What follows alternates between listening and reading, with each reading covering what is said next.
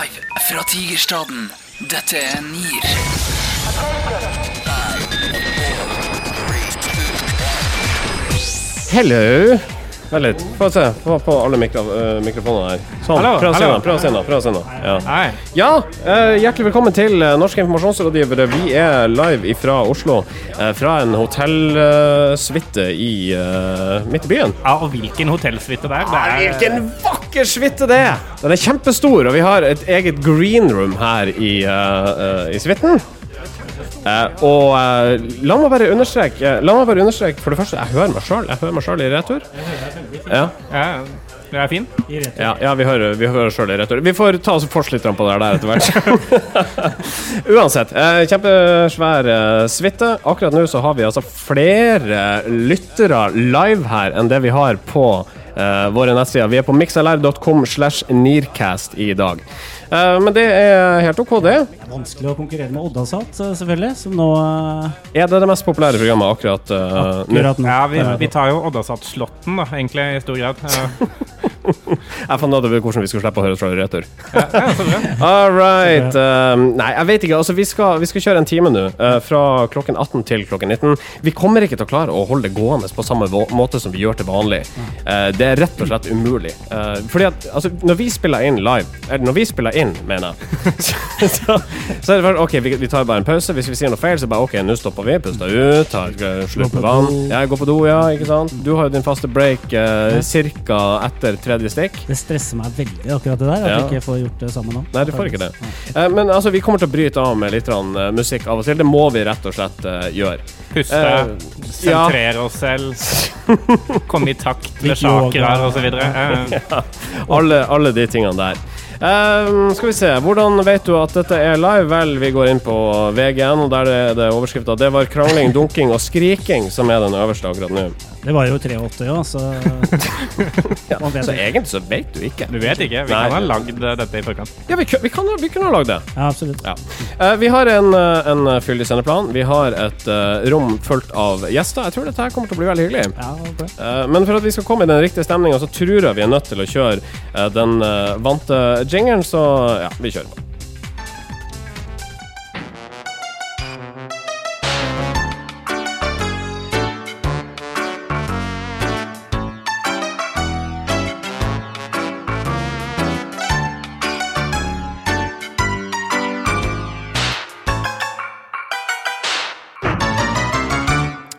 Og hvis dette her da ikke hadde vært live, så hadde dette vært tidspunktet der jeg sier hjertelig velkommen til norske informasjonsrådgivere, kjære venner, på andre sida av podkastapparatet. Det er Marius Staulen som er din venn og programleder. Jeg har med meg to venner av meg igjen. eh, Sindre Holme. Stemmer det. Jeg er også på plass. Ja. eh, Og Marius eh, Torkelsen. Ja, hei. Det er gøy å være her. Ja, det er det. Standup-komiker er du òg. Ja, eh, ganske morsom til tider. Eh, også til tider lite morsom. Men jeg jobber for å være mer morsom enn jeg er lite morsom. Eh, det jobber jeg hardt med. Eh, Hvordan er fordelinga akkurat nå? Nå er den eh, 60-40.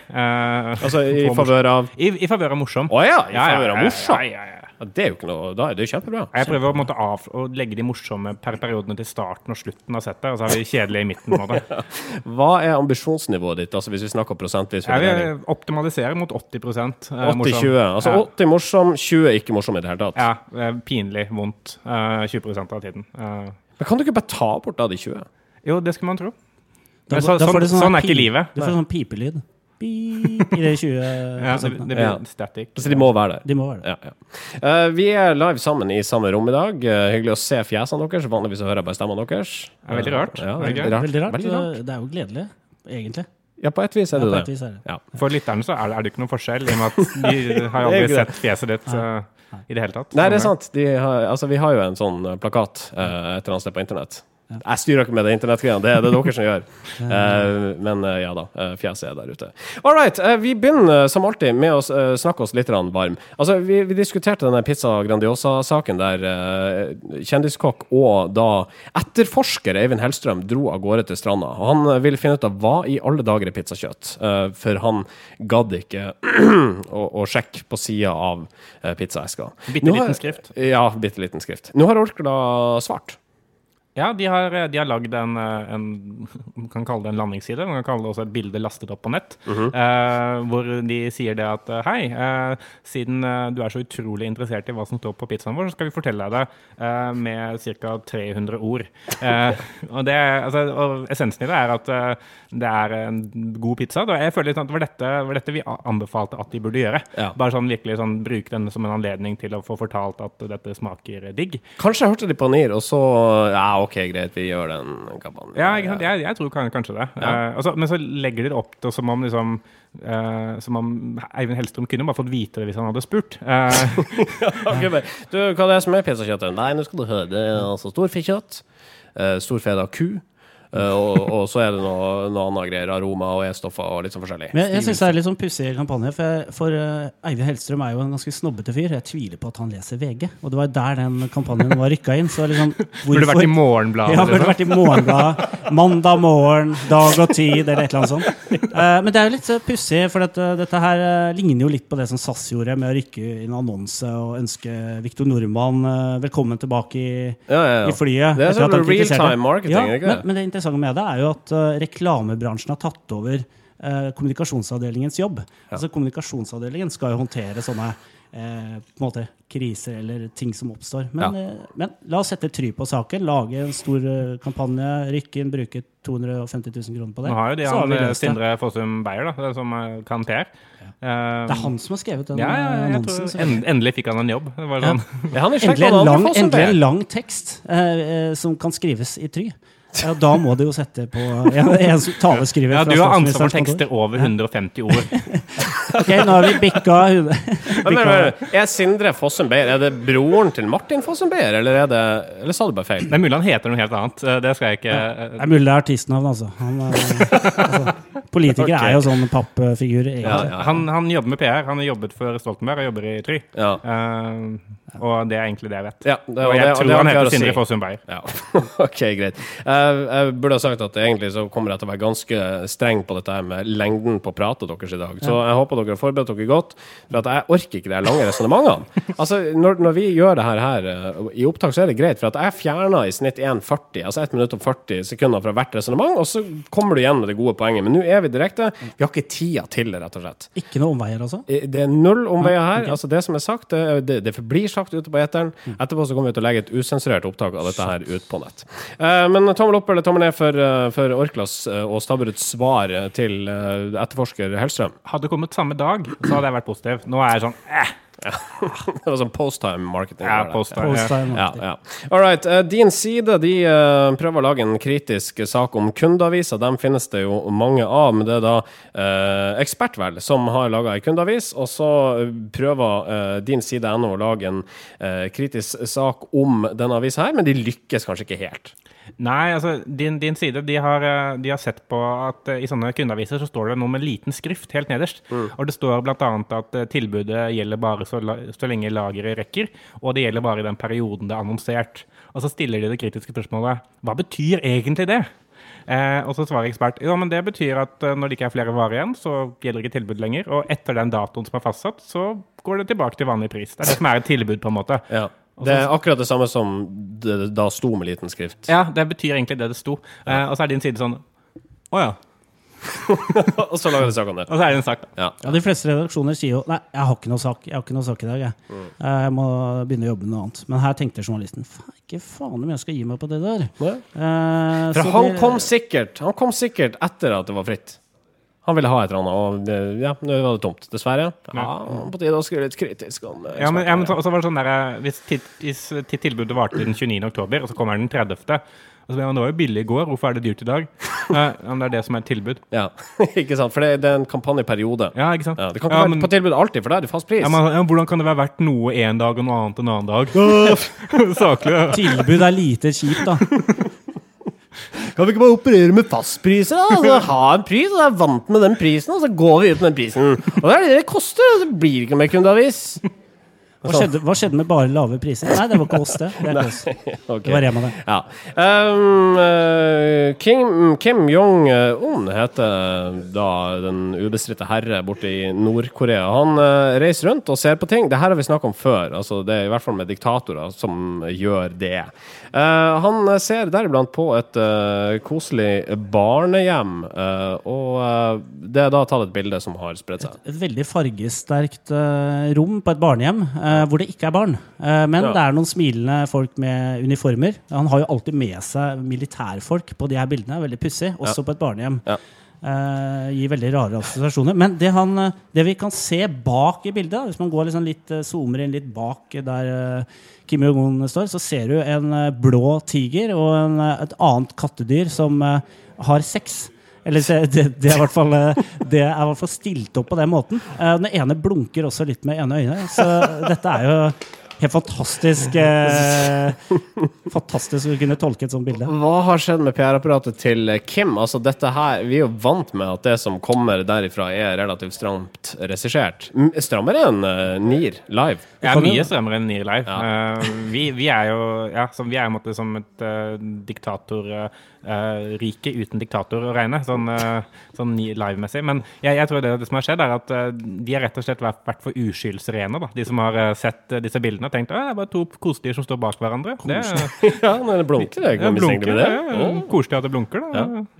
Det ble morsomt for oss andre, da. I Vesten. Ja, vi som, er, morsomt, eh, vi som er fulle av synd. Ma eh, Mashable kaller han fyren som har satt opp der, iscenesatt dette her for et komisk geni. Ja. Jeg tenker at det er et komisk geni som nå er eh, på straff, i straffeleir langt inne i indre Vi blir ikke å se fotokrediten til det komiske geniet en gang til, for å si det sånn. jeg, jeg tror de bare fengsla alle som jobba på det barnehjemmet. Ja. sånn, Det er derfor det var tomt, selvfølgelig. Ja, selvfølgelig var det det. Eh, vi tør selvfølgelig ikke å gi noe tommel opp eller tommel ned til eh, denne saken her. Det blir rett og slett for skummelt.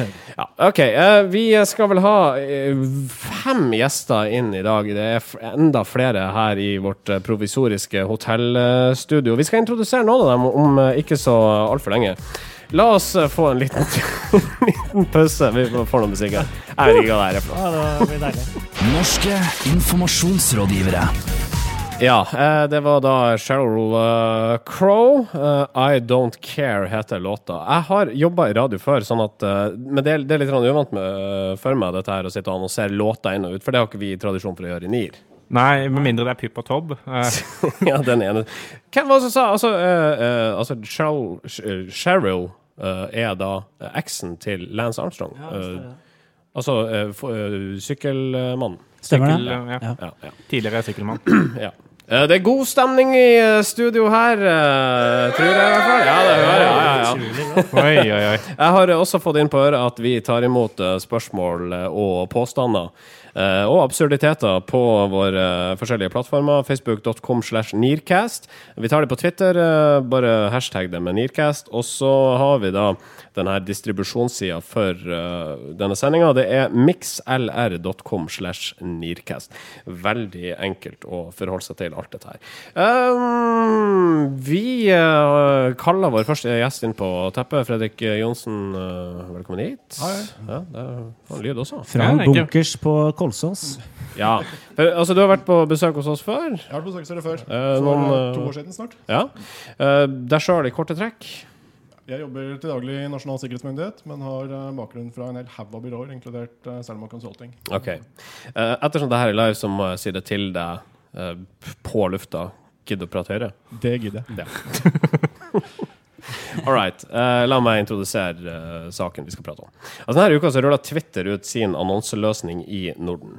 Instagram er i ferd med å gjøre det samme, og Facebook er Og på Facebook så er såkalt organisk rekkevidde, rekkevidde mindre enn 4 Det er utgangspunktet. Og så er det noen spørsmål som er stilt her. Er tida hvor vi så på sosiale medier som fortjente kanaler over? Og er sosiale medier bare blitt en del av de betalte mediene?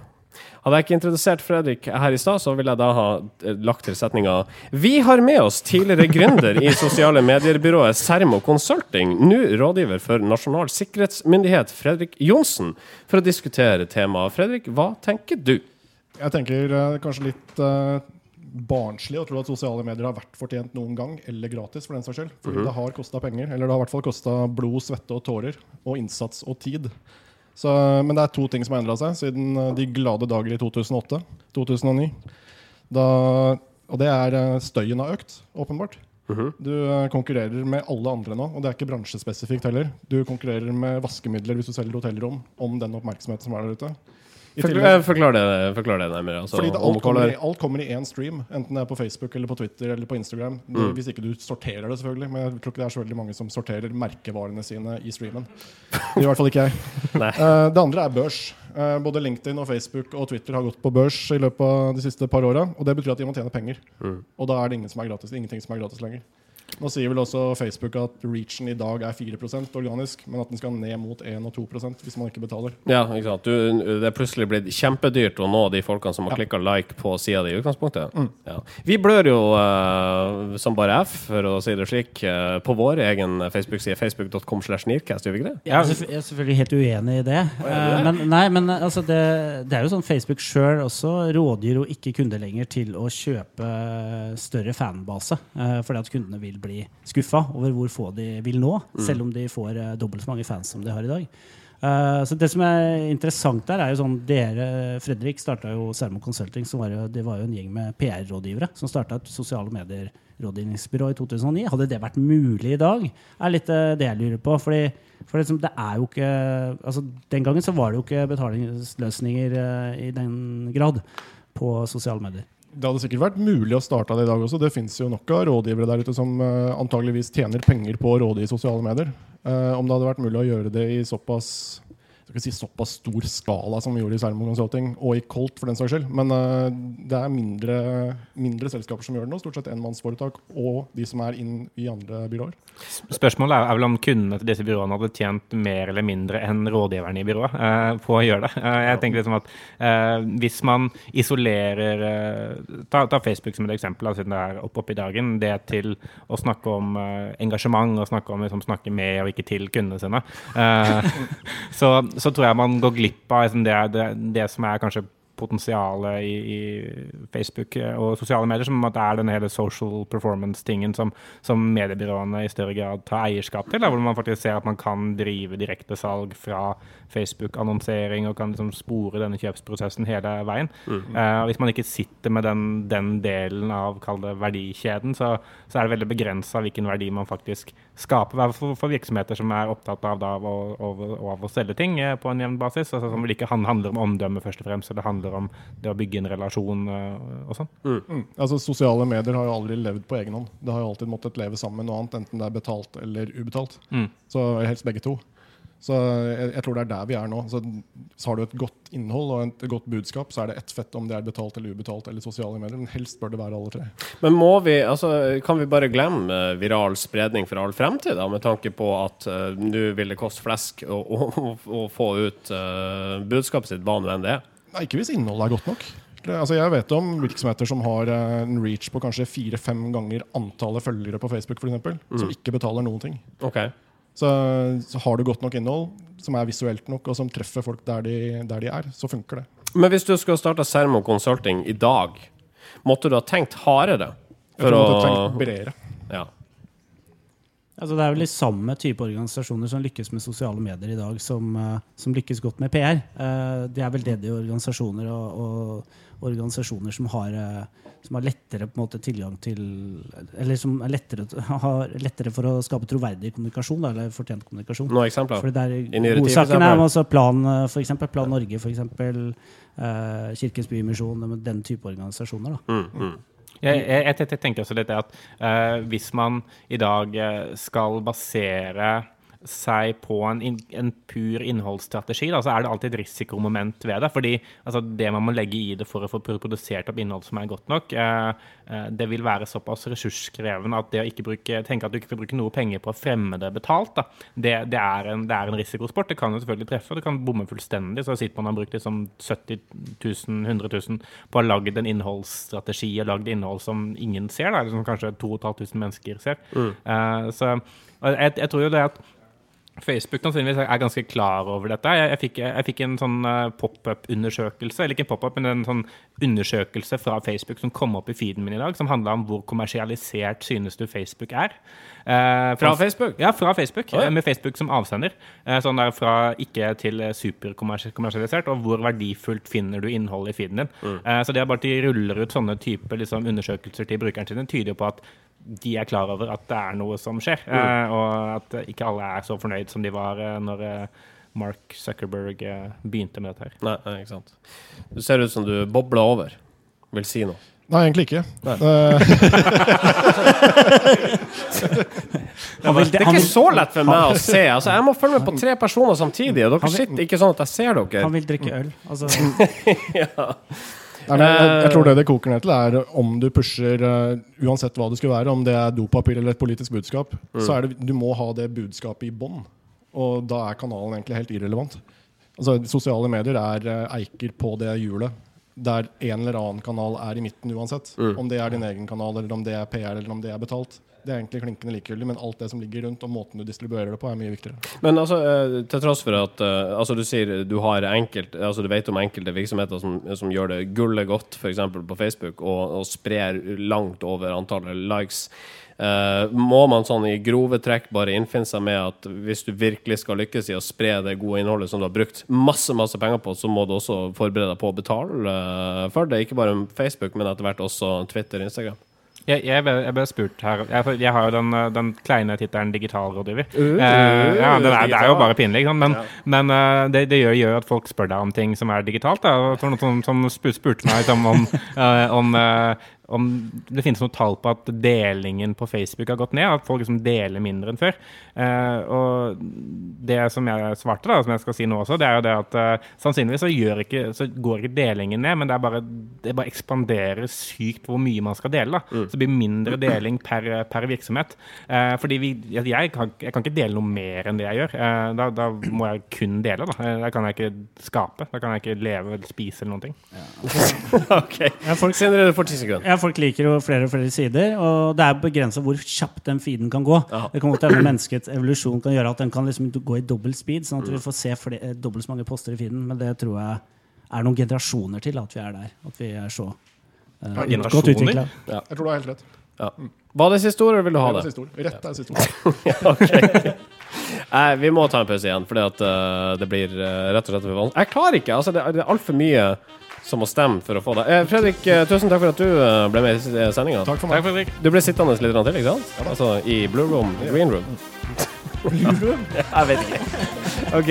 Vi spiller noe musikk, og så tar vi inn en uh, ny gjest. Jeg tror det her er Saint Motel, My Type.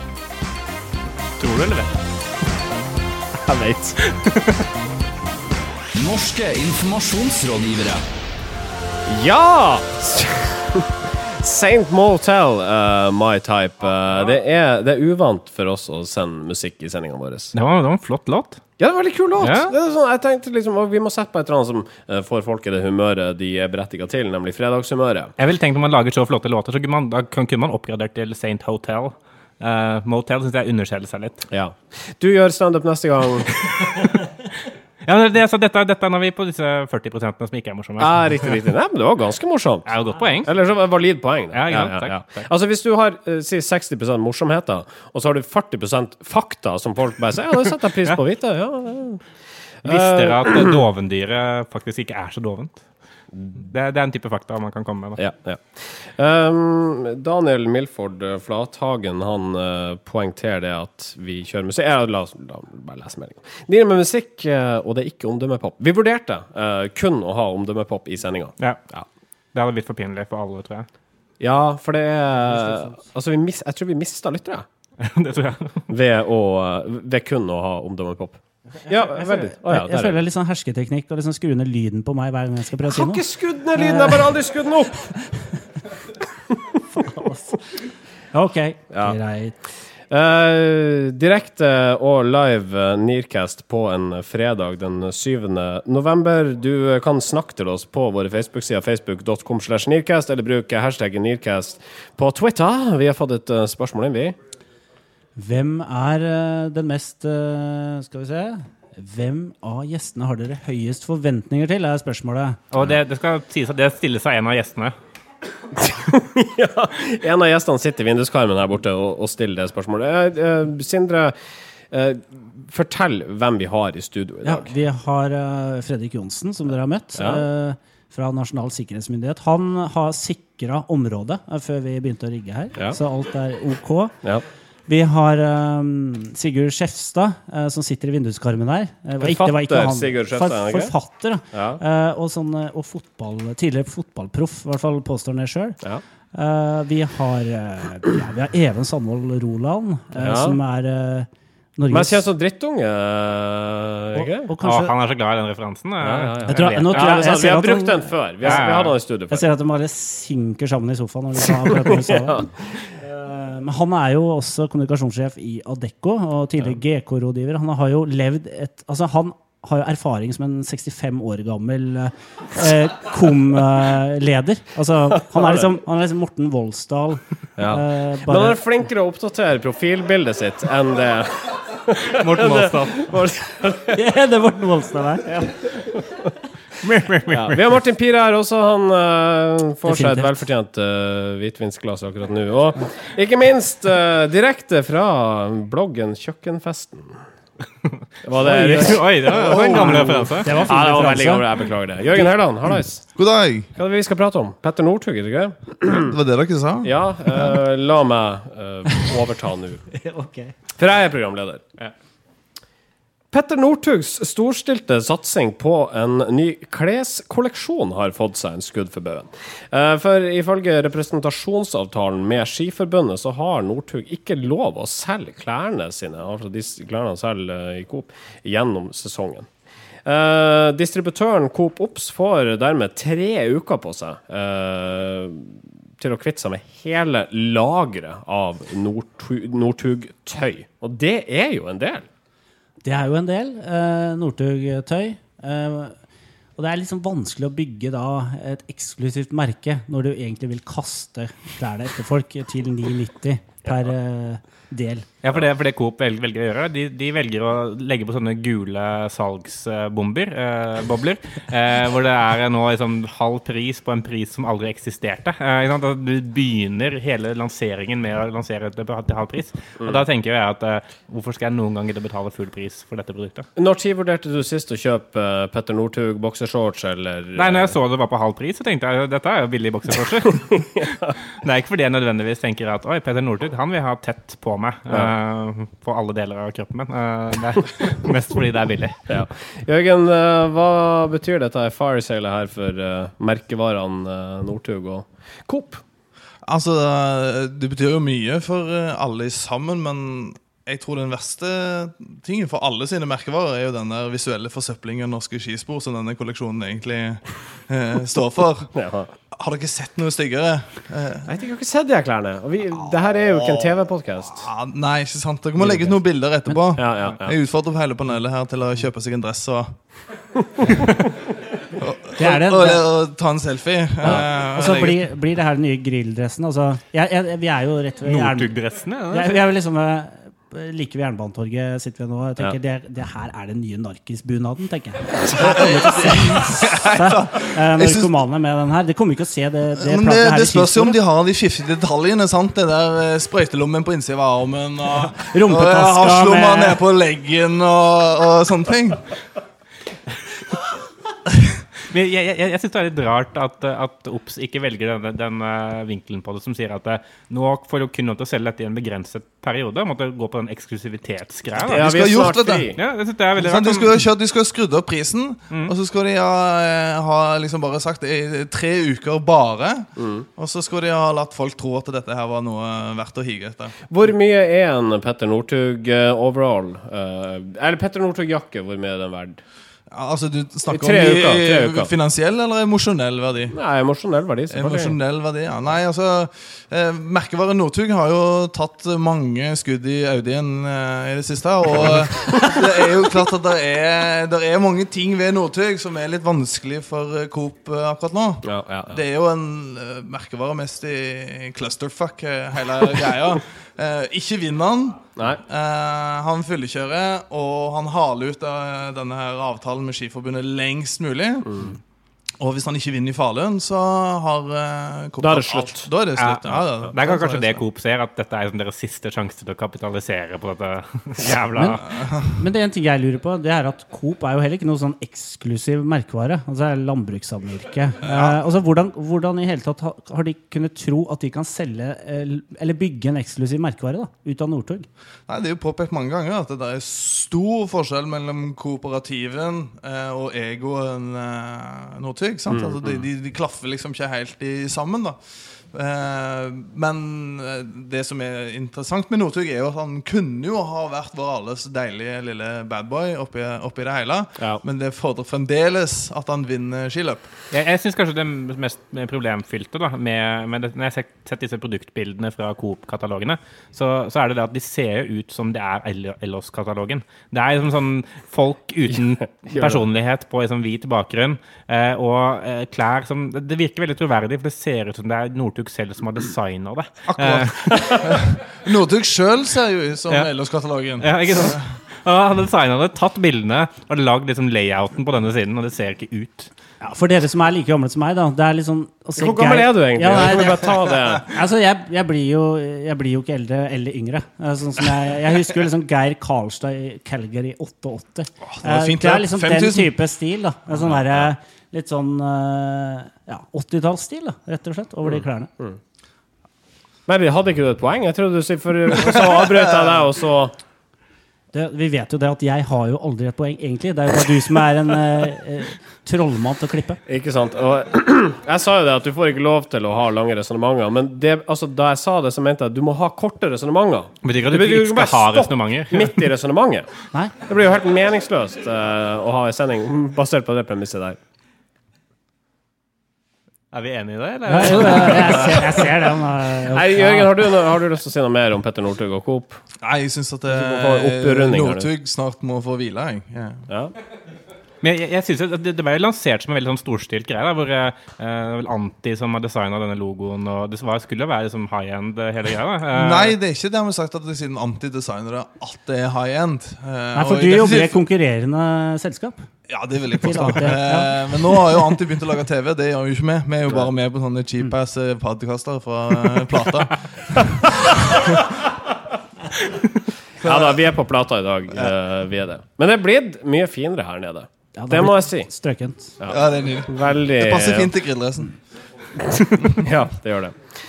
Ja ja, Helland. Du får uh, tusen takk for at uh, du kom hit. Takk for at jeg fikk komme. Du hadde en sjanse til å si akkurat det du ville. Det var det du ville si. Hadde ikke noe mer, eh, ikke noe mindre. Det er det med å avslutte resonnementet. Ja, ja. men Nei, det, vi, det, vi, det du gjør, er ikke det? Jo, Ja. jeg avslutter dine resonnementer. Jeg hadde ikke noe mer å si. 18.35 eh, klokka mi her. Vi sa vi skulle sende til sju. Blir det nød, så sender vi over. Altså, sånn blir det. Jeg vet du skal på konsert etterpå, Sindre. Ja, stemmer det. Jeg skal på Monté-konsert eh, etterpå. Uh, men uh, vi eh, Ja, altså da får Monté komme hit, hvis det skal være sånn. Ja. Eh, jeg. det, det blir så det blir. Vi har eh, flere gjester, vi. De sitter og venter borte i eh, The Purple Room. Og um, vi skal kjøre litt mer musikk. eh, litt sånn partymusikk. Det er jo fredag. Eh, dette her er lyd. Calvin Harris. det kommer, ja, ja. Eh, det var Blame It On The Night. Uh, han heter Calvin Harris. Hva, hva er det, må du si hva du vil, Sindre? Litt lavere lyd eh, i øret, takk. Ja, ja, greit. I monitor. Hvordan er det nå? Uh, det er litt bedre. Er litt bedre. Ja. Eh, skal vi se, hva er det vi skal prate om nå? Jo, vi skal prate om uh, omdømmepop, internvideoer. Omdømmepop eller bare flau julebordsunderholdning. Rekka musikkvideoer laga av ansatte som ikke kan synge, synes uendelig. Eh, og vi har eh, spurt mange ganger før, og vi spør igjen hvorfor i alle dager gjør bedriftene dette her? Er det eh, god kulturbygging, eller er det rett og slett bare for å bygge brand, eller er det noen andre uforståelige årsaker? Og for å forstå dette fenomenet, eller bli enda mer forvirra, så har vi med oss kommunikasjonssjefen i Adecco, Even Sandvold Roland. Velkommen Hei. hit. Hallo. Hallo! Jeg har allerede sagt at du er kommunikasjonssjef i Adecco. Hva mer vil du si om deg sjøl? Å, kjære folk. eh, jeg er kommunikasjonssjef i Adecco. Jeg er foredragsholder. Det sa jeg. Ja. Nå må du si noe annet enn det jeg sa. Nei, faen! Jeg er kommunikasjonssjef i Adecco. Jeg vil si det likevel. Og så holder jeg foredrag, og så skriver jeg masse greier, og så driver jeg med improteater. Er det en bra presentasjon? Hvor det, Prat litt nærmere mikrofonen. Ok, må jeg gjøre det også? Tusen hjertelig Er dette, var det bedre? Mye bedre. er dette improteater for deg? Om det er for meg? Ja, er dette Eller er det for alle? det her for improteater? Hele livet er et slags improteater. Ja, altså, altså li Livet mitt er på en måte improvisert. Jeg visste jeg burde ha sjekka nivåene, for akkurat nå er jeg 100% sikker på at vi boosta linja ut. Men det er greit. Ja, Ja, ja. Sånn det var går det når jeg går på sendinga. skravla her bak. Vi er jo på lufta! Jeg må bare si fra til Green Room at uh, Bare åpne. Bare åpne den. Um, det er god stemning her i uh, Her i studio. God stemning. God stemning. Kom igjen. All right. Uh, eh, det er altså en, nok en omdømmevideo har uh, sett det såkalte lyset for uh, dagen. Eh, Marius, kan du gi oss en eh, beskrivelse av denne videoen her? Eh, jeg, jeg skal prøve, men den, altså, jeg har slitt med å sove siden jeg så den, denne videoen. Ja. Uh, fordi det, det, er, det er så mye pinligheter i den. Uh, altså, første premisset er at den, er utro, den har utrolig høy produksjonsverdi. Ja. Det er masse, liksom, masse grafikk og masse kulisser, og, og det er bra lyd og sånn. Hvem er det som har den? Eh, det er eh, MDA, eh, som er et eller annet sånt mediemarketing-teknologivirksomhet fra Singapore. Vi setter på noen lyder fra Hørs nå.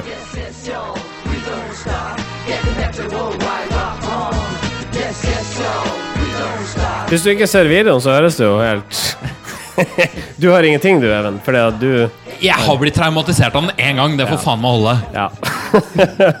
La oss uh, ta for oss dette, uh, dette fenomenet med disse omdømmepopfilmene. Ja, jeg, jeg tenker jo det at eh, det begynner jo som, som regel som en sånn slags Hadde det ikke vært gøy hvis vi hadde rappa? Eh, fordi vi trenger noe underholdning til et eller annet sted. Altså, Julebord, det- for eksempel. Julebord, og det er det viktigste å forstå, er at dette her er ment for å være internt. Det er aldri ment å skulle se som noen andre enn de som, som kjenner de som gjør det, og som derfor syns det er morsomt. ikke sant? Fordi Mm. hvis du ser liksom vaskedama plutselig står og, og rapper, så er det en veldig rar situasjon å se henne i. Eh, og Ja, for det er jo ikke det hun skal gjøre. Nei, hun skal jo vaske, ikke sant? Hun skal jo ikke rappe, hun. Eh, Så det er, oh, ja! så det, det er jo kjemperart, ikke sant? Så, så for de som da måtte, har konteksten riktig, så er det kanskje litt gøy én gang. For oss som verken har kontekst eller kjennskap til de personene vi ser, så er det kun pinlig. Ja, det er det. Vi hadde jo en uh, diskusjon rundt uh, Det var vel Rema 1000 som laga til en uh, kjempefest, og så la de da ut sin intern Skal vi se om jeg får den her. Katastrofe. Det var Katastrofe som hadde 1000 colors. Vi må bare komme til For oss som har headset, vi hører nå den lyden. Altså musikken fra 1000 colors, som den heter. Den, eh. Thousand colors. Det er helt greit å slippe. Um, og nå skal vi altså snakke om MDA Senior Management Rap. Ja. Hva er det her, Even? Jeg lurer på om det er det som skjer når HR-sjefen blir bedt om å løse forretningsproblemer. Det er sånn, nei, det går, Salget går ikke så bra, eller folk har det litt kjipt på jobb. Hva om vi lager en musikkvideo? Ja, hva om vi gjør det? Ja, Hva om vi bare styrker samholdet og får opp lagene litt? Grann? Hvis vi bare synger en sang alle sammen, kunne det vært en greie? Ja, fordi det, det er litt sånn den samme, samme greia som uh, Forente artister gjorde på 80-tallet. Hvor man tenker liksom man kan gjøre verden bedre med en sang. Eh, Jo, men de prøvde i det minste å gjøre noe bra! Dette er jo bare vondt! Det handler vel om å prøve å få de ansatte til å skinne. da. Eh, vise, de, vise fram en annen side ved de ansatte enn det de vanligvis har. Vis Er det så meg gærent, én ansatt som likte å være med på noe sånt. Bare, bare én. Kan du, kan, kan, du, kan du gi meg én? Jeg kan ikke gi deg en. jeg tror hun vaskedama syntes det var gøy å liksom endelig komme fram i lyset. da. Ja, I usually wash, but now I rap. Er liksom Na, na, na, na, na, na, na, na, na, na, na. Hun som har vurdert å melde seg på Idol sånn tre år på rad. Ja, ja. Hun syntes dette var digg. Hun synes det var kult. Endelig. Liksom, Men, men mener du, Even, du mener at det har ingenting for seg? Det har ingenting intern, intern motivasjon? Det har ikke noe, noe slags Jo, Hvorfor jeg- gjør man jo det gang på gang da, Når da, det ikke jeg- har noe for seg? altså, spø- Spøk til side. Jeg tror det kan ha mye å si internt. Jeg tror det kan være en morsom greie, skape mye latter og få folk litt ut av komfortsonen. Og det kan sikkert være fint, det. Men straks det kommer ut på internett, og alle andre får se det, så blir det bare feil. Ja, det er kanskje noe i det. Det er noe i det, altså. Ja. Ja, Det er kanskje Jeg tror kanskje at et sted å begynne er bare å lære alle hvordan man lager såkalt sånn skjulte YouTube-videoer. Altså Hvis man måtte trenger å ha dette på nett et eller annet sted, og bare kan, så, så man bare lærer at det fins en innstilling på YouTube som gjør at det ikke det er søkbart. så Ikke alle kan finne det. Ja, for de har lagt det ut der rett og slett fordi at ja, folk vet jo hva YouTube er, så hvis de har lyst til å se den etter julebordet, så Ja, kan de eller bare bare sånne superenkle sånn praktiske problemer. Sånn, ja, Vi må jo vise dette på firmakickoffet. Ja. Eh, Skal vi ha med oss en minnepenn? Nei, bare legger det på YouTube, så bare bruker vi linken. Det er sikkert nett i det konferansesalen. Ikke sant? og, så, og så bare glemmer man at man ikke skal dele det. Altså, og så blir det jeg skal, tilgjengelig. jeg skal være helt ærlig at jeg kom meg unna en sånn situasjon for ikke mange måneder siden selv, eh, på jobben. Mhm. eh, hvor det var en, en opptrinn til en sånn uh, forferdelig grusom uh, Vel, hendelse. Hvilken jobb er det vi snakker om? Nei, nå? nei, nå snakker vi om en, en jobb langt tilbake i tid. er ikke direkte på lufta nå. Så det går Ja, ikke vi er direkte. Ja, vi er direkte. Nei, nei, altså, det er ikke så nøye, men jeg, altså, da husker jeg Da, da, da plutselig måtte jeg i et møte. Uh, så jeg kunne ikke være med, dessverre. Men resten av gjengen gjorde Resten av gjengen gjorde det, og jeg fikk ikke se etterpå. Uh, jeg spurte ikke heller, og ja. Jeg tenker det er litt sånn Du burde ikke sende nakenbilder til kjæresten din, for plutselig er hun ekskjæresten din. ikke sant? Og du burde heller ikke lage en sånn omdømmepop-video og gi den til de ansatte, for plutselig så slutter de, og så tar du leggerne ut på YouTube bare for å mobbe deg. Så får de så jobbe i kampanje, og så lager de en film Altså de lager en sak om denne filmen her. Fungerte det etter hensikt? Jeg tror ikke det. Altså- 1000 colors. Men er, er liksom omdømmepop-videoene da liksom næringslivets svar på dickpics? Er, er, er det der vi er? Det er i hvert fall næringslivets svar på de der grusomme dubba reklamefilmene for sånn vaskemiddel og sånne ting. Det er, det er akkurat like smertefullt. Og det eneste grunnen til at det sprer seg, er fordi det bare er vondt. Men, men hvis, hvis man skal kåre sånn verdens verste altså, Dette her må jo være en ganske sånn en contender til det verste som er laget av omdømmepop. Altså du Eh, tenker på den uh, Denne- MDMA, holdt jeg på å si. Den MDA Senior Management Rap. Ja, den, La meg la meg se om jeg får noe mer av det greiene på. aim of vibrant media hub for the city. Singapore made content to be number one. Media choice and jobs for everybody. I'm the man for this IDM R&D. Ok. I'm the man for R&D, det hørte jeg. Det. Det var ikke spilt eh, veldig sakte Nei, eh, det valiumversjon. Det Ja, var- eh, du begynte på et resonnement. Ja, er det noen av dere som har sett noe verre enn dette? Eller hørt om noe verre? Jeg har, jeg har en utfordrer her. ass det, Ok. det russiske energiselskapet Gazprom har nemlig også lagd sin egen internvideo. Okay. Og, og det, det, altså det, det er nydelig Det er nydelig russisk, russisk pop. Ja. Eh, jeg har kjørt det gjennom Google Translate som med forbehold om at dette her ble helt feil. Men vil du ha et lite utdrag av lyrikken fra Gazprom sin ja. internvideo? Ja, bare ta koble den på her. Koble den på. eh, altså- Nei, nei, nei, jeg har, oh, ja, jeg, har- jeg, har- ja. jeg har det bare oversatt til deg. Sorry, sorry. Ja, ja, ja. Kom igjen. Kjør på. Eh, Ikke prøv! Du finner aldri en bedre venn enn Gazprom. Vi gir folket varme og lys til kontor og hjem. Du må aldri glemme fra soloppgang til kveld. Arbeidet vårt trengs til hverdags og i ferie. La oss drikke for deg, la oss drikke for oss. La oss drikke for russisk gass!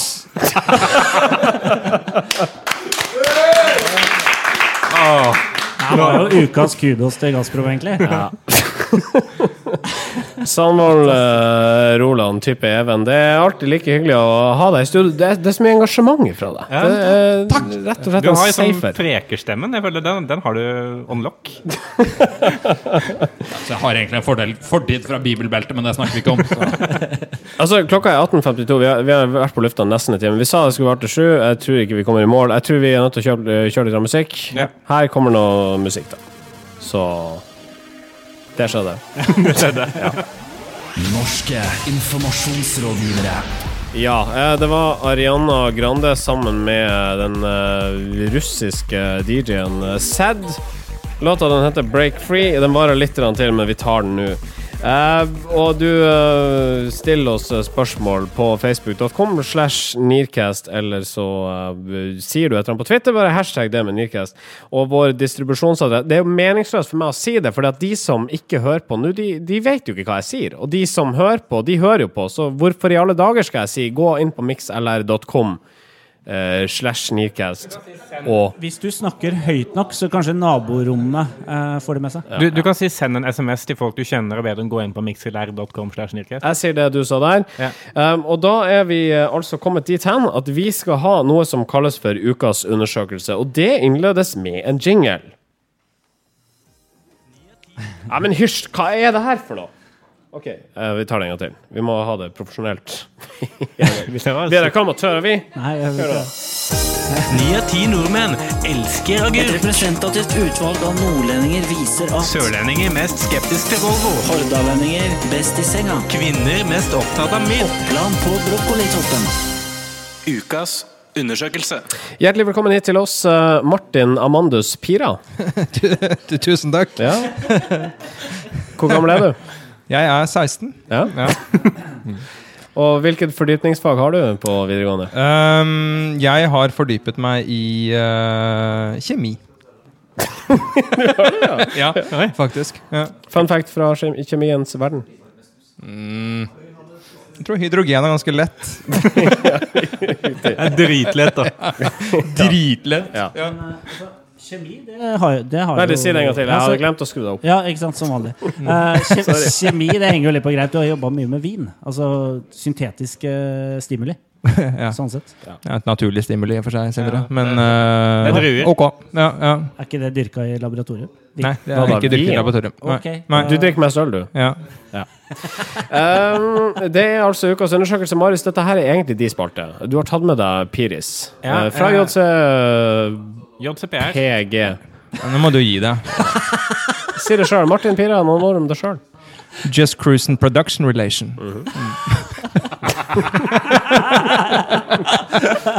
Eller, eller, eller JCPR, Ja. om du vil. Ja, det er ikke kødd engang. Ja, ganske belastende. All right. Eh, er jo et eh, fremragende byrå på bl.a. dette med å få omtale i, eh, i fortjente medier. Og eh, en av de enkleste måtene å få omtale i fortjente medier på, det er gjennom å lage noen undersøkelser. Mm. spørre noen nordmenn om noen greier og få noe svar. Og så se om du, om du klarer å finne noen forskjeller mellom liksom, sørlendinger og østlendinger og kristne og satanister. Altså, sånn, hva, hva er det folk eh, Hvis man kan finne en forskjell som man da kan bruke som en vinkling, f.eks. til eh, Fedrelandsvennen, hvor man kan si at sørlendinger de elsker agurk, så skriver Fedrelandsvennen om det. For Ja, det, det er jo superrelevant. Det er en lett måte å få omtale på. Er, er, er det et grep dere bruker ofte, Martin? Ja. Ja. Funker det? Ja, både òg. men man, man, man, har jo, man har jo snakket om det mer som, som eh, eh, PR-bransjens krykke. Um, dette her er noe som uh, stort sett fungerer, men, uh, men det, må jo være, liksom, det må jo være litt relevant. Da. Det kan jo ikke bare være piss og oppspinn.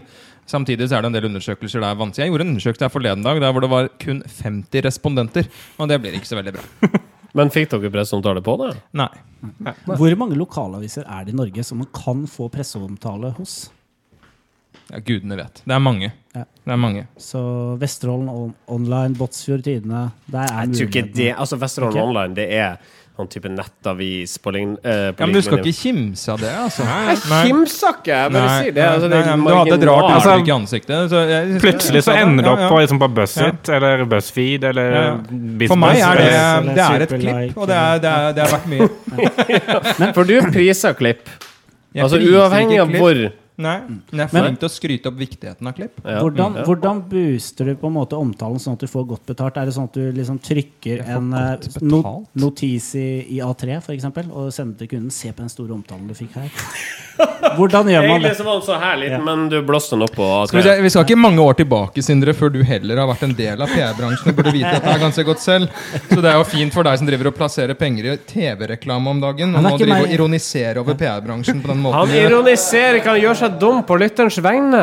For lytteren lurer på disse spørsmålene. Det er en nødvendig del av Jeg kan godt gå inn i programmet. liksom Retrievers måleverktøy hvis noen ønsker det, men jeg tror det blir ganske kjedelig. Vi skulle Ja. snakke om undersøkelser. Ja, vi har ikke tid til dette her. Kan vi, kan vi komme til poenget? Altså, det Ja, vi Jeg trodde dette var min spalte. Det er din spalte. Og, og, la- og la meg si hva som skjer i denne spalta her. Og vi har den oppe med ujevne mellomrom. Eh, Du går da gjennom eh, alle nyheter over en gitt periode, eh, Ja. og så ser du hvor mange saker uh, har ordene 'en undersøkelse viser'? Viser en undersøkelse fra. Eh, Du samla dette her opp i en pose, eh, og den posen tar du da med deg hjem, og så Popper den. Ja. Og som en pinjata, og så ser du hva er det de drøyeste undersøkelsene. Ja, ikke sant. Jeg, jeg, jeg, vil sammenligne litt med å lage popkorn. Altså, hvis du, du samler masse undersøkelser, og så varmer det, og så er det noe som bare sånn es eskalerer ut og blir mye større enn det det er. Da. Og, så, og så spiser du det med salt. Uh, og jeg har funnet eh, tre undersøkelser fra uka som har gått, som har vært veldig fine. Og dette er ut av 19 undersøkelser, undersøkelsesbaserte saker som har stått i norske medier. Den siste uka. Den siste uka, siste syv dagene. Hvilken rolle har Martin Pira i dette her? Eh, Martin Pira er min, eh, min venstre hånd. Eh, høyre hånd. eh, han er en, en ekstra hånd. Eh, og eh, skal Jeg skal lese opp undersøkelsene eh, og sakene, og så skal vi drøfte hvor morsomt det er. Ok. Og, og den, første, den første saken er da eh, Kall det Bryggeriforeningen, eh, for det er det de heter, eh, som har eh, Petter Nome leder der borte? Pet? Petter Northug. Petter. Northug. Pet, Petter Nom, Nomtug. Eh, Også han- Bryggeriforeningen. Tilbud på klær i Bryggeriforeningen akkurat nå. Okay, ja, okay. Men, men de, de har gjort en undersøkelse da, hvor de har klart å finne ut det at eh, 35% av Norges befolkning de sier at de har høy tillit til sukkerfri brus. Eh, fordi eh, nord nord- nordmenn tror det at aspartam, som er søtningsstoffet i sukkerfri brus, det er dritbra å få i seg. Eh, det, og det syns eh, Petter Nome er bra, fordi eh, Bryggeriforeningen er opptatt av at folk skal drikke ting som er brygget, inkludert av sukkerfri brus. Eh, og, Men var et av spørsmålene liksom, Er dette dritbra å få i deg? Og så Nei, svarte de- folk ja? De, de, et av spørsmålene var har du tillit til at sukkerfri brus er bra for deg. Okay. Eh, og det har de. Var det spørsmålet? Altså, altså Eller, jeg, jeg, det- vil, det er sånn si det det, det er en forskjell på sånn Er du enig i at sukkerfri brus ikke skader deg? Det er da den ene spørsmålsstillinga. Den andre er Er du enig i at sukkerbrus, sukkerfri brus er bra for deg? Ja, ja, men det er altså sånn som det fram Nå nå er ikke spørsmålsbatteriet lagt ved i saken, så det er van- vanskelig å vurdere. Bra typisk. men, men, jeg- men, men, men det er, de sier at 35% har tillit, og det betyr kanskje at eh, 65% ikke har det.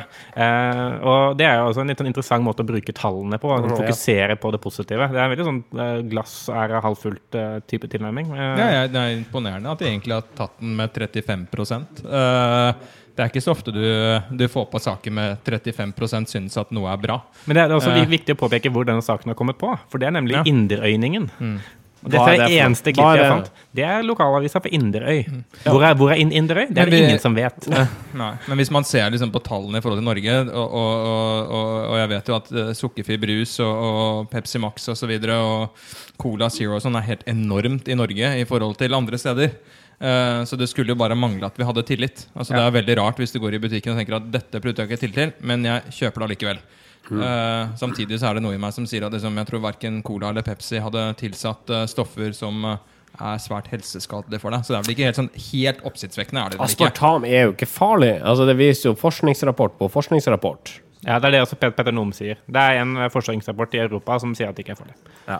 Neste sak. Ja, det var det, eh, ja. Ja, neste sak. vi har flere saker. Ja, ja. dette er fra, fra din, din side, som uh, har gjort en undersøkelse på om det er mange som sovner bak rattet uh, eller, eller ikke. Uh, og det har de kommet frem til at to av tre nordmenn har enten sovnet selv eller kjenner noen som har sovnet. Og Det er ganske høye tall. Og din side har valgt å bruke vinklingen 'altfor mange sovner bak rattet'. Og Undersøkelsen i seg selv er jo for så vidt eh, fin, men jeg syns vinklingen på saken også er interessant. fordi hva er akkurat passe mengde som sovner bak rattet? Hvis man kan prøve at noe er altfor mye. Er det ikke sånn 10 Altså én av ti søvner bak rattet. Ja, men ingen, ingen skal jo sovne bak rattet. Men er det, er, altså, det, er det snakk om folk som virkelig liksom sovner bak rattet, eller dupper litt av? Ja, ja, det, er- det er folk som, som dupper, eller kjenner folk som har eller vil duppe. Ja, men altså, det, jo- det ødelegger jo hele undersøkelsen. Sånn, ja, jeg vet altså, Hvor mange kjenner du? Hvor mange, hvor, hvor mange mennesker kjenner en gjennomsnittlig eh, person? Men- men jeg- Eh, jeg- Sindre, hysj nå. Gjennomsnittlig er person eh, kjenner eh, 269 eh, altså, i Norge. Best, ja. Ok. Hva da du skulle si? Nei, jeg, altså, nå, nå, nå snakker vi om noe helt annet. Ja. Men, men Så det vil si, ja, ok, ja, altså, enten så altså, De stilte spørsmålet sånn Har du enten søvna av bak rattet, eller kjenner noen som har søvnet av bak rattet? Det bare ja. Ja, Altså, ja, av 269 har, har, personer søvna bak har, har noen av dere som sitter rundt eh, bordet her, eller i, i eh, Blue Room, uh, sovnet bak rattet? Eller duppet av bak rattet. Jeg har vært Jeg- trøtt bak rattet. Jeg har duppa bak rattet. Ja, jeg har også gjort det. Jeg kjenner Sindre, så da er vi jo plutselig Vi er mange. Tre av tre her kjenner Sindre. Ja, Altså. ja. Alle her har sønn av 100% sjøl eller kjenner Ja? Her ja. gjør det. Men du, Det- Du, du får fort høye tall da når du gjør det på den ja, måten. Ja, du gjør det. Du gjør det. Eh, vi har en, uh, Ja, en siste, siste saken er egentlig mest overraskende, fordi uh, der er det uh, Dekkmann. Uh, Dekkprodusent, eller dekkhotell, eller noe Det, dekk. det, det er et dekkhotell. Eh, Dekkmann. eh, de har gjort en undersøkelse på hvem som er flinkest til å skifte dekk. Eh, og da mener de ikke hvem som er sånn dyktigst sånn ferdighetsmessig til å skifte dekk, det er hvem som gjør det oftest. Eh, og da er konklusjonen kvinner og unge. Men her er det jo et ganske naturlig svar. Det kom plutselig på akkurat nå. Og det er jo at det er Dekkmann som driver dekkhotell, som har gjort dette her. Og det vil si at de fleste kvinner kjører innom Dekkmann eller andre dekkhotell og får andre til å skifte dekk for seg. Så det handler ikke om liksom, hvilket kjønn som er flinkest, men det handler om de som faktisk kjører inn til et dekkbyttehotell og bytter dekk. de som Og ikke gjør det selv, ja. Ja, de som ikke gjør det selv. ja. Jeg vil jo tro, altså, og kall meg gjerne øh, mannssjåvinistisk, Fascist. men at de, at de fleste uh, som bytter dekk uh, fysisk, blir sittende på hendene, det tror jeg fortsatt er menn. Ja, og det heter jo Dekkmann, så det er rart at vi går ut med at eh, kvinner eh, Kvinner gjør, er, er flinkest. Her er det en mulighet, altså. Dekkvinne. Dekkvinne. Dekkkvinne. Oi, oi, oi, oi, oi, oi, oi. Marius Torkelsen, standup-komiker, opptrer på uh, Josefines uh, om, uh, om kort, kort tid. Jeg kjenner én en kvinne, en kvinne som skifter dekk. Hun har det som en sånn ting. Ja, altså, Er det moren din? Nei. Det er ikke min mor. Skulle du ønske hun var moren din? Om hun skulle vært min mor? Ja. Det, men det er altså vinneren, er det det? Det er vinneren. Det er ukas undersøkelse. Utrolig bra gjort. Ja. Uh, utrolig bra spalte, for øvrig. Ja. Kudos eh, til deg. Uh, vi gidder ikke å spille hel låt, at da må jeg trykke på datamaskinen. Vi spiller en av våre favoritt... forresten, Martin Piris. Tusen takk for at du kom hit. Martin Takk så du Spira, er takk å snakke. Ja, takk. Du kommer tilbake en annen gang, du. Det gjør jeg forhåpentligvis. Ja. Forhåpentlig heter det. Hva sa du for noe? Forhåpentlig Ja, men jeg har drukket veldig mye.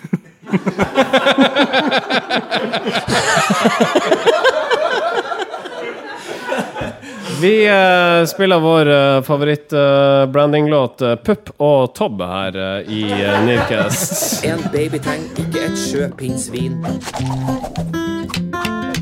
Eller funka ny popkornmaskin. En baby ikke en firer bob. Det eneste den trenger, det er pupp og tobb. Pupp, tobb, pupp. Å, å, å, tobb. Um, det var låta 'Pupp og Tobb'. Eh, I Norsk informasjonsrådgiver. Klokken er eh, 19.09, så vi har allerede gått utafor våre boundaries. Vi sa jo vi skulle sende til sju, men det er, ingen, altså, det er ikke noe program som overtar etter det her. Nei. Nei, eh, nå er vi jo midt i uh, Dagsrevyen. Nei, nei, nei. Vær nå stille, da! Vi sitter jo på lufta! Ja, men ikke vær helt stille. da, Nei, nei, ikke, ikke helt stille, men litt altså, dere kan prate litt roligere. Ja. Ambient. Ja. Litt, Mumle litt, lat som dere snakker. Sånn, Ja. bla, Gjør litt mer sånn. Ehm, ja da, nei, det var Pupp og Tobb, det, og det er jo en av våre favorittlåter. og tror du jaggu meg ikke at gjesten vår nå er medlem av Ikke skulle til å si Pupp, men eh, det er vel Tobb, da. Begge dere. Uh, Begge dere. ja. Uh, Sigurd Skjefstad, hjertelig velkommen hit. Tusen takk. Fem ord om deg sjøl? Nei, eller fem sekunder om deg sjøl. Eh, PR-mann og forfatter Det var det vi rakk. Og og eh, Glem, stryk det med forfatter. PR-mann var det han. ja, du, skrev, du skrev jo ei um, Altså, du skrev en roman om det å være fotballagent. Ja, det, er bare, det er jo derfor jeg kommer. For jeg får alltid passe på å nevne det i hvert fall én gang Ja. mens jeg er gjest. Mm. Med rett til å selge. Veldig fin julegave eller farsdagspresang. Helt uhilda, mener jeg det, da. Ja. Men ellers er det riktig at jeg er medlem i Tobb. Det er rett og slett noe min mor kjøpte til meg for i håp om at jeg skulle flytte tilbake til Trondheim. Må du betale for et medlemskap i Tobb? Selvfølgelig, akkurat som Obos eller andre ting. Det koster Ja. jo en viss sum hvert år. I BBL, så er det altså hjemme i Bodø boligbyggelag, BBBL, så er det gratis. Jeg har bodd i Bodø, så jeg vet hva som skal til for å dra folk dit. Da kan du ikke ha betalt medlemskap. Alt-. Alt er gratis i Bodø. Eh, Det er eneste måten å få folk til å flytte på.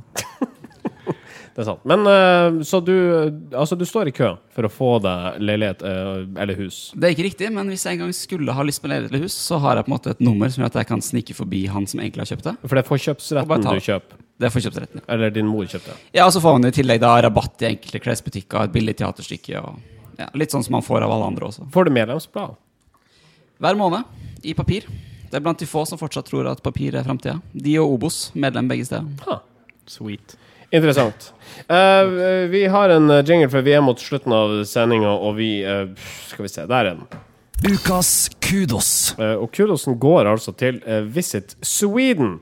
Uh, sammen med Los og co., fordi vi husker jo alle denne panikken som utarter seg i, hos våre venner i øst. Eh, de trodde, i hvert fall, og ingen vet jo om det er sikkert, men de trodde de hadde en ubåt på besøk. Eh, kanskje var den fra Russland, kanskje var den fra Nederland, ingen eh, vet. Og ingen fant den heller, og så bare døde hele saken. Jeg, jeg mener jo Den beste tegnet på at det var en ubåt, var at ingen fant den. Da hadde den liksom gjort jobben sin.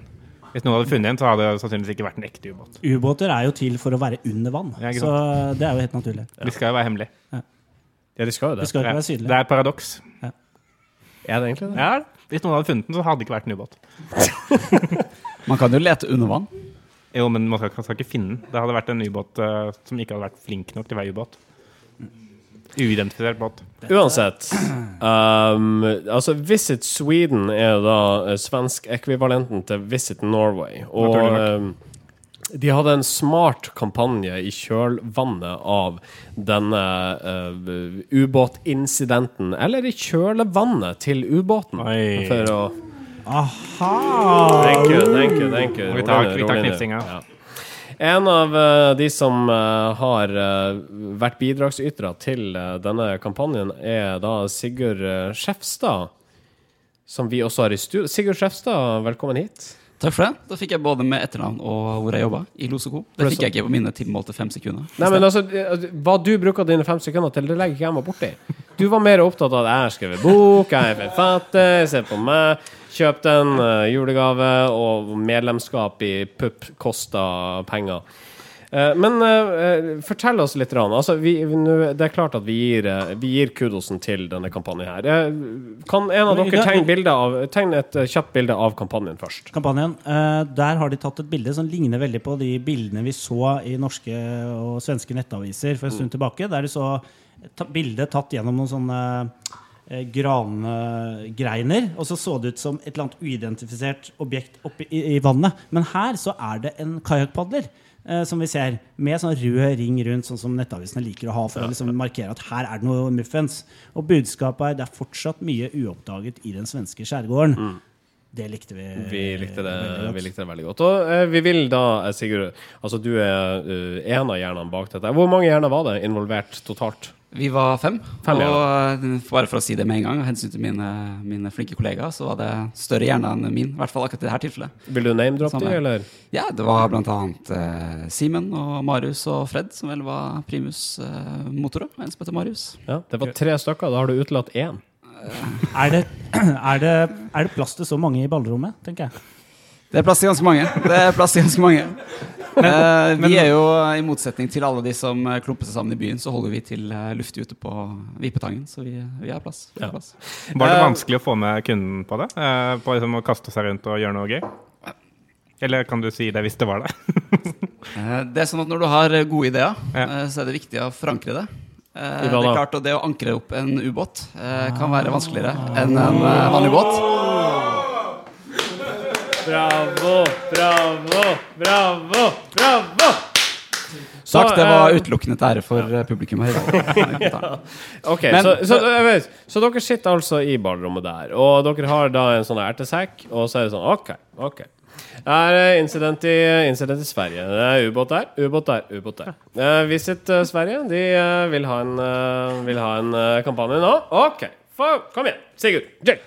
Jeg vil faktisk si, For å være litt eh, seriøs, da, selv om eh, resten av eh, publikum her ikke kanskje tillater det akkurat nå, så ble det jo nevnt tidligere i sendinga liksom, som at ja, nå har jo annet Try ansatt en PR-mann, og da har jo de gjort dette for Orkla osv. Mm. At det, altså, det, det de gjorde Det at de har ansatt en PR-mann, gjorde jo Los for uh, seks år siden. Altså Det var på en måte hele grunnlaget til å starte det. Mm. Ved å faktisk mikse, mikse alle disipliner. Uh, og Sindre nevnte vel her tidligere noe om at eh, hva det som skjer på en måte kommunikasjons, altså Reklamebyrået har tatt over kommunikasjonsavdelingas oppgave. Det jeg egentlig tror i større grad skjer, er at eh, kommunikasjonsavdelinga og reklamefolkene egentlig begynner å jobbe de samme stedene. Eh, og da på en måte får du det at ideene til reklame kommer også fra folk som har en annen bakgrunn. Gjør at uh, man tenker litt annerledes og kan gripe sånne muligheter. Som også da det eksempelet som dere nevnte med SAS. Mm. Og da den Victor Nordmann sin eh, harselering med SAS som ble svart på da fire timer etterpå. Jeg, jeg syns det er kult når, når man faktisk er rigga på en måte som lar deg få lov å gjøre sånne ting, ting i sanntid. Fordi altså, jeg tror sånn reklameoppmerksomheten på det blir høyere fordi man klarer å relatere det til noe som man allerede er opptatt av. Uh, og det gjelder jo både for den SAS-tingen, men kanskje den her enda tydeligere fordi på måte, saken var så tydelig og så oppblåst. Da. Og når man klarer å piggybacke på noe som er såpass måtte, i fokus, eh, så, så vil man få mye igjen for det. Og så tror jeg det at eh, de som virkelig klarer å jobbe sånn her fremover, hvor man både har måte, mulighet til å løse det kreativt og grafisk, og har tillit til kunden, fra kunden. Da. Man skal ikke undervurdere hvor vanskelig det er å få den tilliten til å bare virkelig gjøre dette her. Som tyder jo på at man måtte ha gjort mye bra for Visit Sweden over lang tid. Så de liksom stoler på dere og sier at dette skal vi gjøre. Ja, hvordan var den umiddelbare responsen fra Visit Sweden da dere pitcha dette? De syntes det var veldig spennende, og så måtte de begynne å snakke sammen. Eh, og det er klart, her er det jo mye Altså, det var jo storpolitikk i Sverige. Og det var ganske fint at den pressekonferansen kom hvor de liksom litt tona det ned. Men det er jo noe med at liksom noen ganger kan sånne grep bli veldig sånn anstrengt og litt stunt. Men her hadde du på en måte det viktigste oppgaven vår er å få folk til å reise til den svenske skjærgården. Og så har det vært bilder av den svenske skjærgården hver eneste dag i alle norske nyhetskanaler. Mm. Og da blir det på en måte mye mer nærliggende å kunne ta et sånt grep. da Men eh, det er klart at eh, et sånt prosjekt krever at, eh, krever at alle er med på det, også kunden. Og hadde ikke de vært det, så hadde vi aldri fått gjort det. Så hva- min kudos går jo videre til eh, Visit Sweden. Ja, det er jo veldig jovialt av deg. Men altså, var det, uh, var det slik at de bare ah, ja, selvfølgelig, selvfølgelig dette Altså, de, de skjønte, og, skjønte konseptet med en gang. De skjønte det med en gang, og så skjønte de også at de bare måtte passe på at absolutt alle involverte eh, visste hva de gjorde, og var klar for eventuelle motforestillinger som kom. Ja. All right. Uh, kudosen går altså til uh, Visit Sweden, vel fortjent, sammen med Los og Co., her representert ved Sigurd Skjefstad. For øvrig også forfatter, uh, tidligere kollega òg. Du har vært i, i PR-operatørene, du. Jeg har vært det. Jeg har vært det Sammen med opptil opp til flere av dere som også har, har, har skitne undersøkelses... Uh, Dette er, jo et, dette er jo et slags alumni for eh, PR-operatørene ansatte. Ja, det er det. Vi er ganske mange PRO her. Ja. Det er det. Men vi er en gjeng med andre folk også. Ja. Uh, all right. Tusen takk for at du Altså, når man er live, så må man harke. Ja, ja, man må det. Harking er På eh, naturlig. Ja, det det, det er- vitner jo om at dette er ikke klippet. Uh, Nå er har sikkert det. mange trodd at det er utrolig velregissert. Altså, det må være klippet, Mm. men det er det altså ikke, fordi vi harka. Ja, ikke sant? Derfor så var den harkinga veldig sånn bra tima, egentlig. Ja, sånn ja. for å få Eh, sånn og for fortsatt å bevise at det er live uh, overskrifter på Dagbladet akkurat nå. Obamas brev til Ayatollah Khamenei ødelegger alt, er det noen som sier. Um, all right. Da, altså det vi skal gjøre nå Nå er klokka er også, eh, vent, da, 19.19. eh, for, for å bevise at det er eh, at det er live, så tenkte jeg at vi burde ta overskriften på, på bussit.no også. Uh, hvis uh, den den siden fins ikke. Ja, Ja, da, da tar jeg med en, en melding fra Mikael Eriksson, som har kommentert på vår eh, side mixlr.com. Og der kommer vi også til å legge ut fremtidige live podcasts. Ja, for det skjer igjen. Ja, altså 2016, type april, da skal vi ha ei uh, sending fra det, det samme rommet som vi sender ifra. For- Uh, føler meg litt beæra over tittelen som gjest. Altså Han refererer da til systemet inne på den sida. Ah, ja, ah, ja. Altså han er da guest der. Men nå, som er representert ved navn og bilde, som i chatten, hva er tittel? Hva er tittel? Ja. Eh, hans tittel? Ja. Ja, jeg kan si at uh, han er i hvert fall kommentator. Uh, han er en slags liksom, eh, støttespiller uh, på siden. Mm. Eh, han er i vårt digitale green room, som alle dere lyttere er. Eh, og hvis dere har det like gøy som vi har det, så, så gleder jeg meg til resten av fredagen deres. For den, den blir bra. Norske informasjonsrådgivere. Eh, uh, 1926 uh, viser uh, mitt uh, urverk. Det er jo så lang tid det tar å spille inn en podkast uten eh, redigering. Ja, det er cirka den tida vi bruker til vanlig. Eh, og og vi, vi sa jo at vi skulle holde på fra klokken 18. Jeg vet ikke om vi sa at vi skulle holde på til 19. Nei, Vi snakka veldig mye om fra klokka 18, eh, Ja. og det har vi holdt. Eh, Men så, ja. Så for de som er veldig skuffa over at eh, vi har fortsatt inn langt inn i Dagsrevyen og, og Fredagsrevyen. Og Når tipper Dagsrevyen, egentlig? eh, Dagsrevyen begynner klokka sju. Altså på NRK? er? Vel, nå er vel fredagsgjesten introdusert, tenker jeg, der. Ja, ja, ja.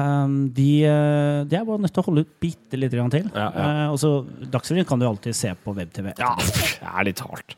Uh, jeg regner med at du har fulgt med på facebook.com slash Nearcast samt uh, Twitter, for å se at ikke vi uh, utelate noen tweets eller noen kommentarer til uh, sendinga vår. For det, altså, vi er mot slutten akkurat nå, så hvis det er kommet noe, så vi er nødt til å ta det nå. For at vi vet at det blir over et år til neste gang, og det Ja. blir for seint. Ja, nei, eh, ærede lytter, altså hvis du har noe på hjertet, må du si det nå. Ja. det som er sagt, er sagt. Eh, vi har fått det med oss. Ja. For å oppsummere sendinga, hva skal vi si? Altså, det, vi har aldri vært live før, og det har vel gått sånn høvelig greit. Ja, det har gått greit. Vi har jo øh, også drukket litt vin, som har på en måte øh, dempa nervene litt. Eh, Men vi er jo fortsatt ved bevissthet, vil jeg si. Ja, det er vi. Eh, det er vi. Og vi har, eh, vi har fått eh, vært innom mange interessante temaer. Tusen takk til eh, gjestene som vi har hatt eh, gjennom eh, dagens eh, sending. Eh, vi har med oss eh, Marius Torkelsen eh, direkte fra Green Room her i Studio 4. Vi har kommet til. Hvordan er stemninga der du er akkurat nå? Jo, nå står jeg midt i green room, og her er stemninga å. Det er så mye stemning på ett sted. Har du mikrofonen på, eller? Jeg vet ikke om jeg har det. Prøv å skru den på. Se Er hva den på nå? Nei, det er ikke.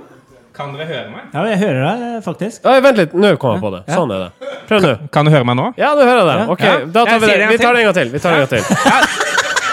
Dette, dette Hvis, hvis dette her hadde vært Hvis, dette det, hvis det hadde vært i opptak, så hadde vi nå Vi hadde klippa dette her, og så hadde vi gått tilbake til meg, og så hadde jeg sagt det samme en gang til, for å få Torkelsen i den samme stemninga. Altså, noen bryr seg om disse tingene her. Mm. De som er sånn Jeg lurer på Skal jeg starte en podkast? Hvordan gjør dere det? Og det her er en av de tingene vi gjør. Altså, det gikk ikke på første forsøk, så vi prøver en gang til. Og da har vi med oss uh, Marius Torkelsen live fra Green Room, og hvordan er stemninga der du er akkurat nå? Nå er jeg direkte inne fra green room igjen. Og det er så god stemning her. Åh. Alle gjestene sitter tilbakelent i denne sofaen som, som er halvt skinn og halvt tekstil. Ingen vet hvorfor det er det. Men det er veldig, det er veldig god stemning. Og eh, Vil dere brøle, eller vil dere ikke brøle? Nei, ikke brøle. Nei, men da foreslår du henter inn noen kommentarer. Uh, gå Ja. til din høyre, eksempel. Få en eh, kommentar derfra. Du har ikke fått lov å si noe inntil videre, men hva syns du om å være her? Jeg syns det var en svært inspirerende kveld, altså. Hva var mest inspirerende av, eh, av det jeg sa? Det var jo den 18. undersøkelsessak som, som du fortalte om. Takk, takk. Fredrik, hvor enig er du i det som hun sa? Jeg har egentlig ikke hørt så mye av hva dere har sagt etter at jeg var på. Men uh, jeg har sittet i denne sofaen som på ingen måte er skinn. Er du fornøyd med egen innsats i kveld? Jeg er godt fornøyd med egen innsats. Jeg er også Eh, veldig fornøyd med det. Uh, Spør hva han har gjort hvis han ikke har fulgt med på sendinga. Spør hva han har gjort i stedet for å følge med på sendinga. Nå hører, hører jeg litt dårlig, Marius, men jeg tror jeg skal spørre om hva du har gjort istedenfor å følge med på sendinga. Litt forsinkelse Ja, Da hadde jeg gjort det jeg pleier å gjøre på fredager, og det er å høre gamle opptak av Sofaprat. Ja, for du, du, du kun hører, du ser ikke. Ellers så er det rekker ikke ledningen noe lenger, men jeg er veldig glad for at eh, det er flere her også. Altså. Ja, ja, ja. Uh, NIR uh, går mot slutten denne fredagskvelden. Jeg føler at dette her er noe vi er nødt til å gjøre ofte, ass. For dette her var supergøy. Det er det gøyeste jeg har gjort podkastmessig uh, siste uka. Ja, podkastmessig, ja. Siste uka, ja. Ja. Men sånn, hvis du ser bort Altså Nei, jeg synes det var en kjempepositiv opplevelse. Eh, Jeg, ikke, jeg hadde ikke trodd at vi skulle være så flinke som vi er. eh, til, å, til å være poengtert og morsom og reflektert og uh, inspirerende, ikke minst. Eh, så, så det er jeg veldig fornøyd med. ja. Uh, og vi håper at dere lyttere som har fulgt denne sendinga her live, også er fornøyd med oss. Ris og ros og pff, det kan dere bare sende inn uh, på nearcast.com Nei, unnskyld, facebook.com slash nearcast, eller dere kan sende oss en e-post på nearcast.yahoo.com. Um, Og den, denne sendinga kom vel i opptak et eller annet ja, sted? jeg er litt usikker på om vi har fått det til, men hvis vi får det til, så kommer den i opptak. Ja. Da til glede for nye lyttere, primært. Ja. Vi uh, jeg, jeg må jo innrømme det at jeg er ikke sikker på hvorvidt vi har ja, de nødvendige lisenser for å drive og sende musikk mellom stikkene, men det var det vi måtte gjøre. Altså, vi Det var enten, eller pinlig stillhet. Ja, ikke sant? Da valgte vi ulisensiert, ulisensiert musikk. Ja, vi valgte det. freethepiratebay.com. uh, og vi høres igjen uh, om ei uke. Da er vi i opptak eh, som eh, vanlig. Vi spiller litt musikk ut for deg. Ja. Altså rett og slett for å beholde litt av partystemninga utover kvelden. Du kan være med oss ca. et kvarter til, så får du tre låter eller noe sånt. Uh, Sindre Holme, tusen takk for at du var her. Ja, tusen takk for at jeg fikk være her. Marius Torkelsen, takk for at du var her. Tusen takk for det, og Marius Ølen, takk for at du losa oss gjennom dette, dette halv, halvannen timen med skravl. Ja. Uh, gjester, tusen takk for at dere var her. Få litt lyd, da. Tusen takk. All right. Vi høres eh, om ei uke. Ha det. Ha det. Norske informasjonsrådgivere.